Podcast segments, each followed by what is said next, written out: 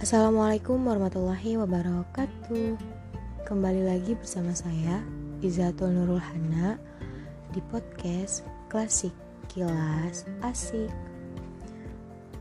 Jadi pada episode kali ini uh, Saya akan melanjutkan Untuk menjawab Soal-soal berikutnya Dan seterusnya. Jadi yang sekarang itu soal nomor 8 Lanjut ya Oke? okay? Uh, yaitu pertanyaannya bagaimana hukum transaksi yang dilarang dan diperbolehkan? Simak baik-baik ya penjelasannya. Jadi dalam ibadah kaidah hukum yang berlaku adalah bahwa semua hal itu dilarang kecuali adanya ketentuan berdasarkan Al-Quran dan hadis. Sedangkan dalam urusan muamalah semua diperbolehkan kecuali ada dalil yang melarangnya.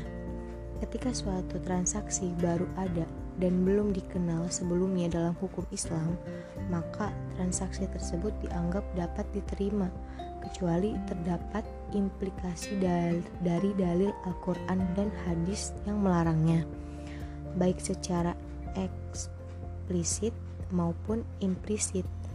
Dengan demikian, dalam bidang muamalah, semua transaksi dibolehkan kecuali yang diharamkan.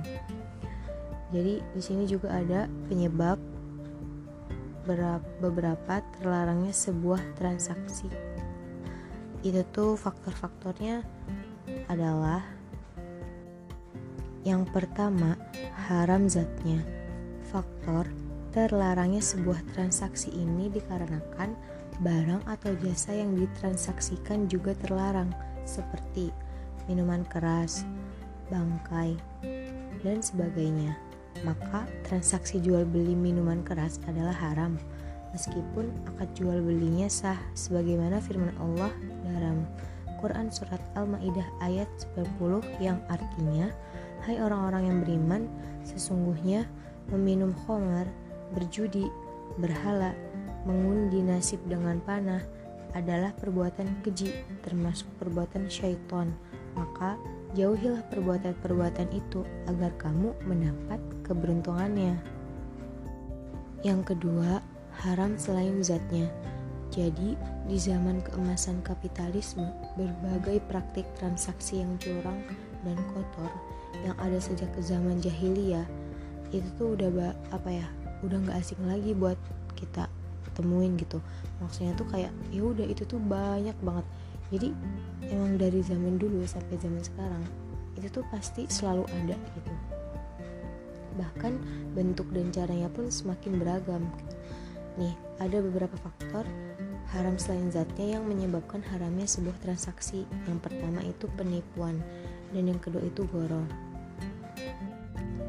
yang ketiga tidak sah akadnya Faktor ini merupakan transaksi yang tidak masuk dalam kategori haram lizatihi maupun haram lighoirihi.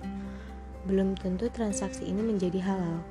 Masih ada kemungkinan transaksi tersebut menjadi haram bila akad atas transaksi itu tidak sah atau tidak lengkap.